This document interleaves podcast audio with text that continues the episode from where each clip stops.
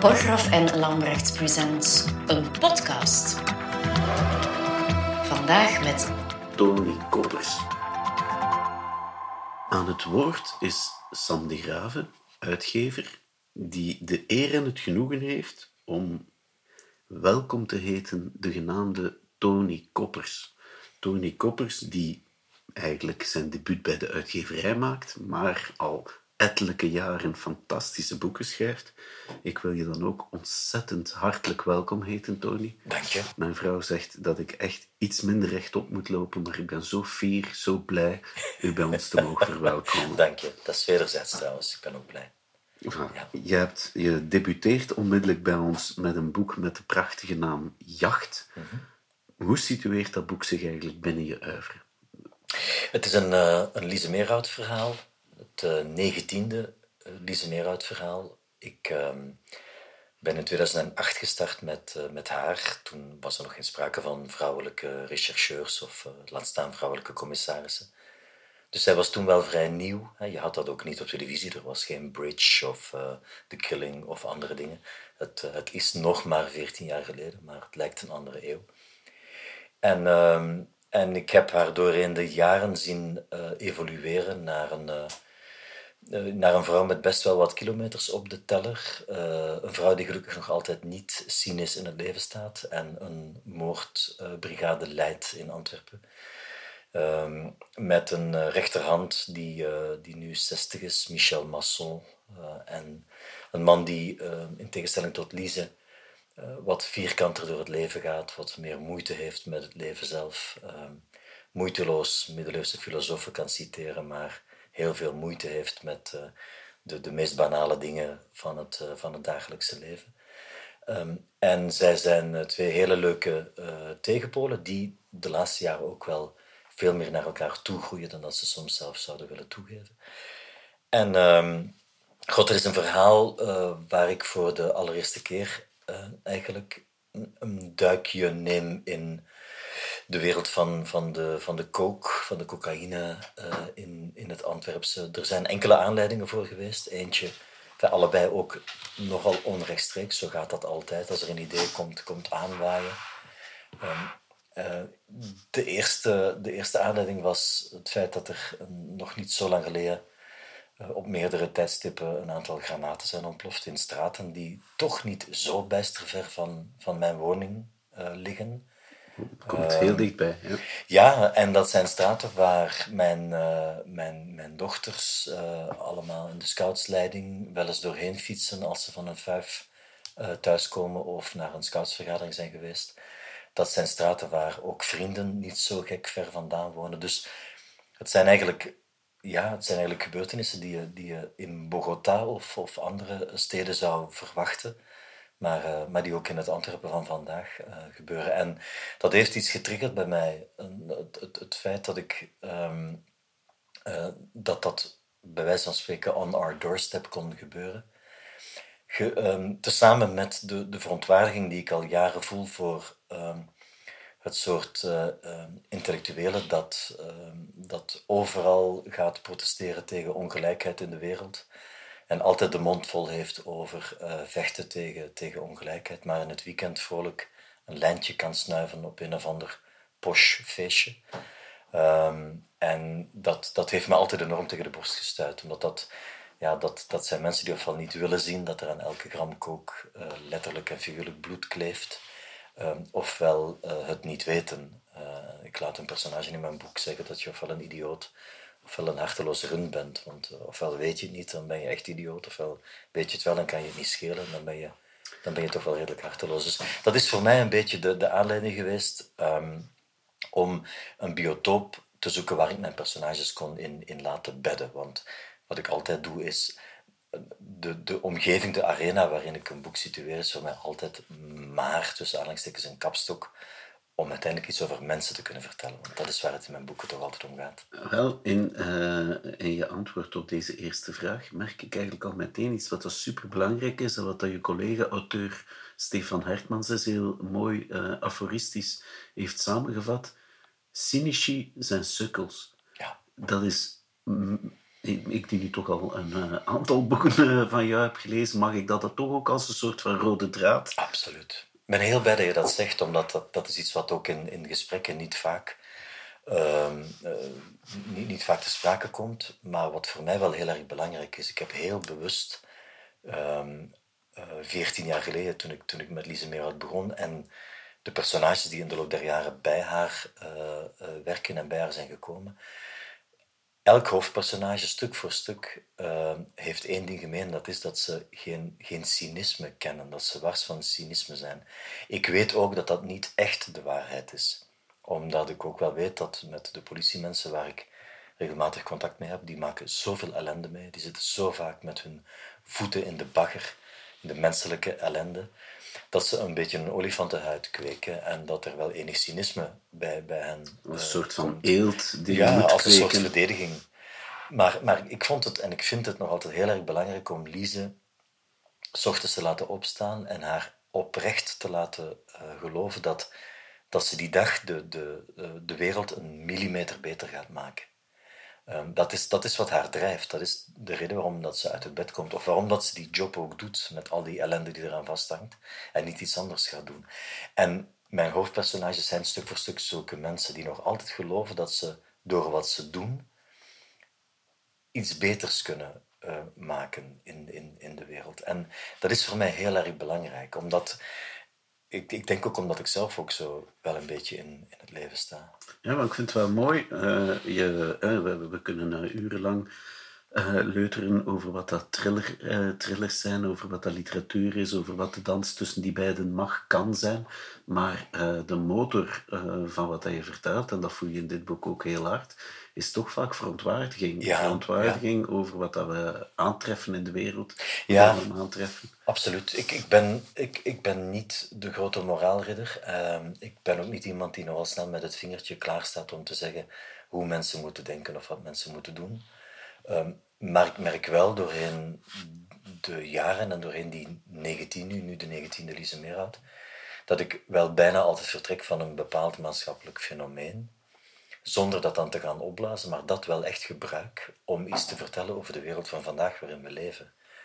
Uh, maar ik denk ook altijd, toch in ieder geval voor mij werkt dat beter, dat het, dat het uh, effectiever is om daar een, een mooi gebald stuk fictie van te maken, een mooie spannende thriller van te maken, waarbij je eigenlijk, wat ik over de maatschappij wil vertellen, wel mee binnenkrijgt.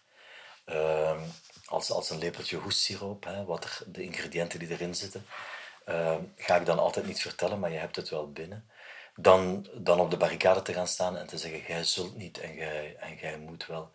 Dus uh, ja, verontwaardiging uh, is, wel een van de, is wel een brandstof. Maar ik denk vooral um, het, het feit wat ik, wat ik geleerd heb van, van mijn grote goeroe van John le Carré: het feit dat de menselijke, het menselijke falen een heel interessant en onuitputtelijk reservoir is om, om over te schrijven. Ik denk dat een van de grote aantrekkingskrachten van Lise Meerhout, of een van de redenen waarom dat die vrouw zo populair is bij, bij, bij lezers, dat is dat ze feilbaar is. Zij is geen uh, uh, superwoman. Zij is ook een vrouw die met twee voeten in het leven staat, die ook probeert, net zoals wij allemaal, om wat gelukkiger te worden dan dat we soms zijn. En die soms uh, lukt in wat ze doet en soms faalt in wat ze doet.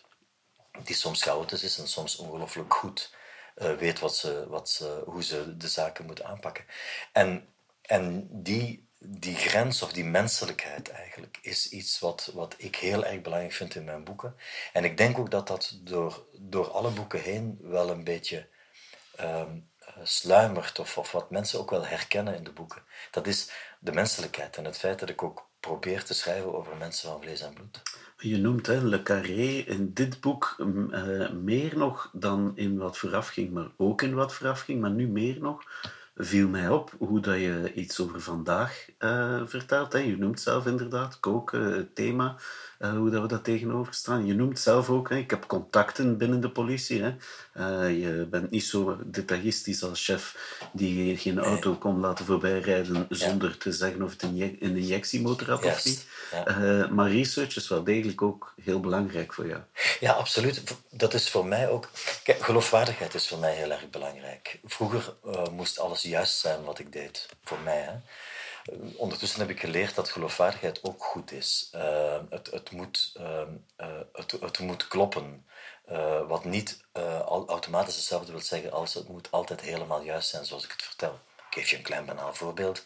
Ehm, mijn team van Lise, moordbrigade, moordteam, bestaat uit vier mensen. Dat is niet mogelijk. Je hebt minstens negen tot tien mensen in zo'n team. Alleen, dan kun je de namen niet meer uit elkaar houden als. Ik heb daar zelf heel veel moeite mee. En ik vind dat ook niet, dat leest ook niet lekker. Dus ik geef Dostojevski dan maar al geweest. Ja, precies. Ja, ja, dat was 200 pagina's minder geweest misschien. Uh, nee, maar, maar uh, dus ik kies voor geloofwaardigheid en ik geef haar drie collega's en, en soms wel een kleine uitbreiding als het nodig is voor het onderzoek. Maar dus dat soort kleine aanpassingen doe ik wel aan, aan, aan de realiteit. Voor de rest probeer ik er wel vrij dichtbij te zitten. Um, ook voor dit verhaal um, heb ik twee fictieve uh, drugsbendes uh, gecreëerd die in het Antwerpse gespecialiseerd zijn in het uh, uithalen van de cocaïne uit de containers. Hè, om ze dan daarna door te geven aan de echt grote spelers, de echt grote jongens. Um, dat zijn fictieve bendes, maar de manier waarop ze in die containers inbreken, de manier wat er daar ligt, hoe het daaruit ziet, hoe een gram kook is samengesteld. Ik wil wel dat het allemaal klopt. Dat ja, daar heb ik eigenlijk veel uh, van geleerd dat ik eigenlijk in de krant nog niet had. Ja. Dus je hebt meer bronnen dan de krant eigenlijk. Goh, ik denk het niet hoor. Ik denk, ik denk dat als je, um, als je daarin geïnteresseerd zou zijn en je voegt alles samen wat je leest in de krant vandaag of wat je ziet op televisie, dat je, dat je eigenlijk evenveel weet als wat ik vandaag in mijn boek heb geschreven. Alleen, um, zoals ik zei, ik, ik gebruik het als een, als een kapstok en wat ik niet kan gebruiken, dat laat ik rukzichtloos weg. Maar ik gebruik het als een kapstok om het verhaal te vertellen dat ik wil vertellen.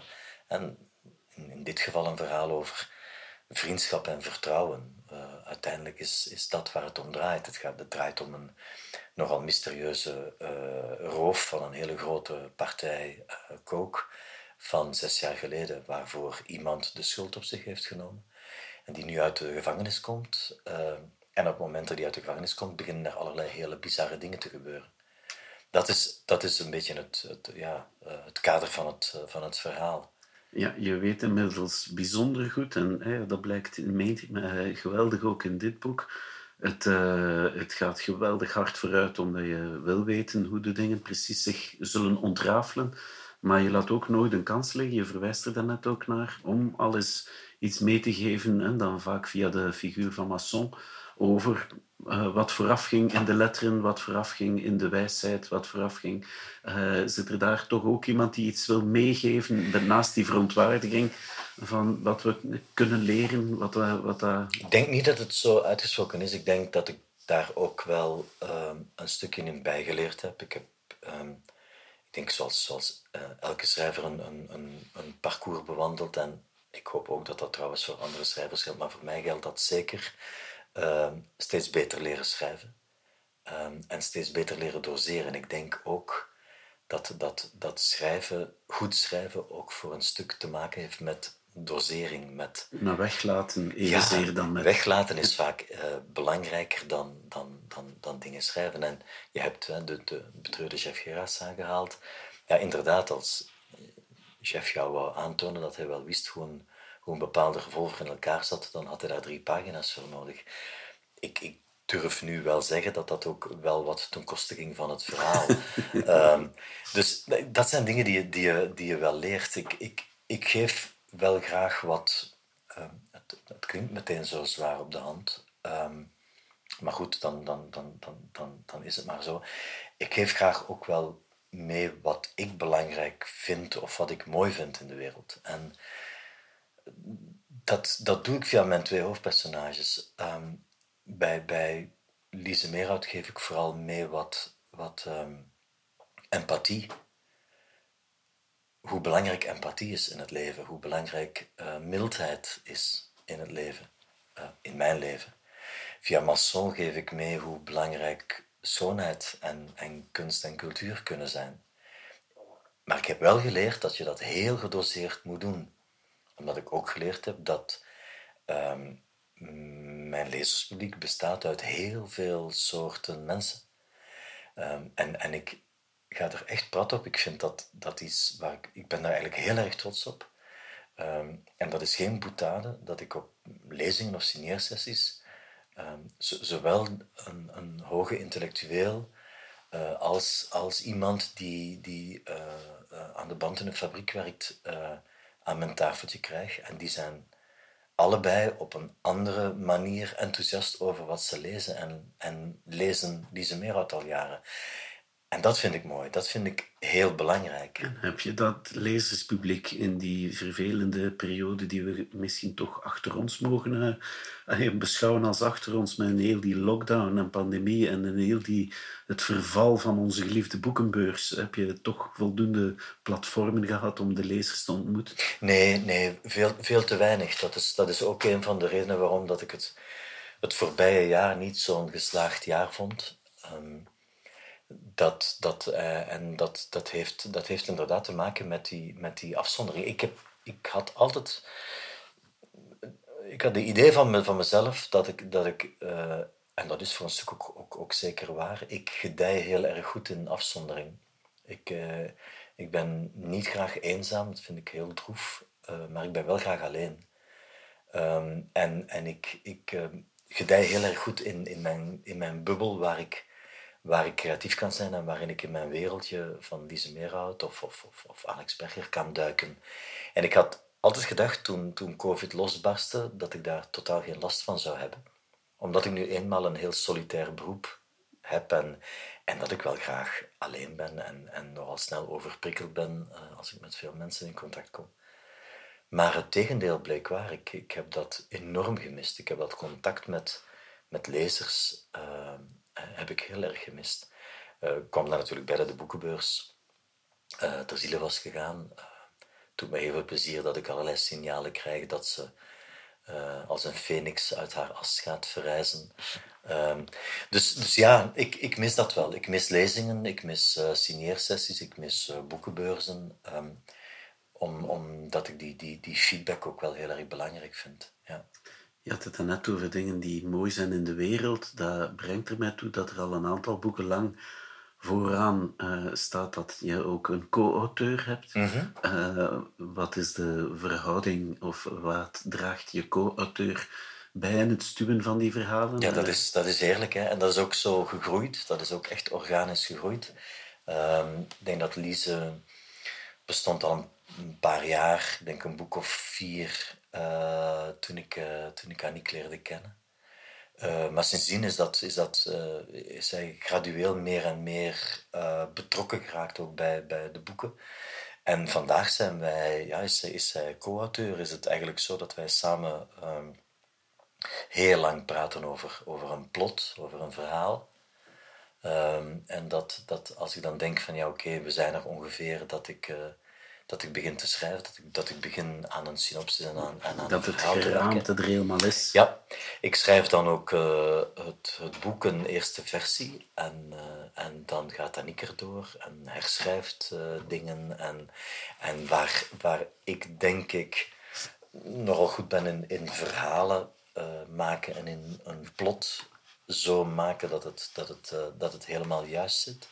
En in timing en dergelijke is zij ontzettend goed in psychologie van mensen, in, in karakters diepte geven en, en, en nog meer uh, geloofwaardigheid geven. En, en die twee dingen samen maken dat, uh, ja, dat de boeken gewoon beter worden daardoor. Dus dat is heel fijn.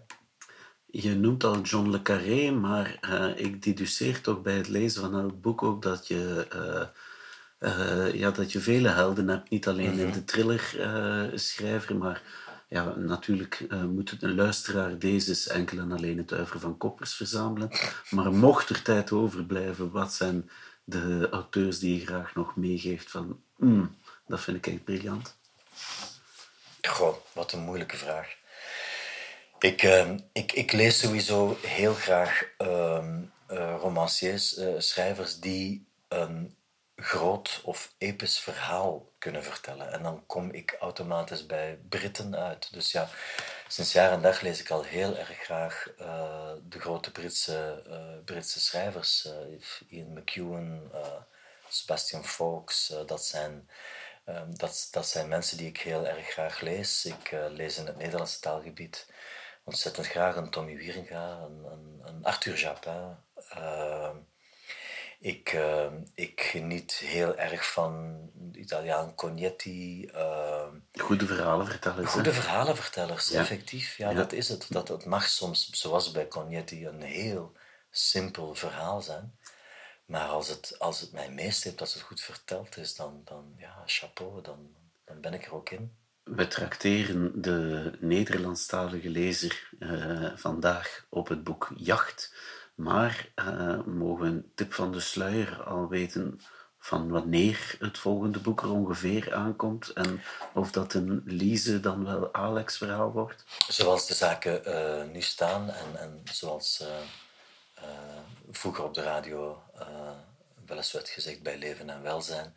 Bij leven en welzijn gaan we vanaf nu altijd twee, twee verhalen per jaar hebben. Eén Lise Meerhout en één Alex Berger. Ehm, wat, wat ik ook heel fijn vind, omdat ik, ik heb van in het begin uh, altijd gezegd en gehoopt van kijk, als dit een succes wordt, dan wil ik niet dat het bandwerk wordt. En, en Lise Meerhout is, is gelukkig een succes, maar ik, ik waak er echt over dat, het, uh, dat ik elk verhaal met heel veel goesting opnieuw begin te schrijven. En door maar één Lise Meerhout per jaar uit te brengen en één Alex Berger uit te brengen, blijven die personages voor mij ook heel erg fris. Dus het volgende boek zal voor uh, de herfst zijn, uh, einde van de herfst ongeveer, zoiets, of midden van de herfst, en wordt een Alex Berger.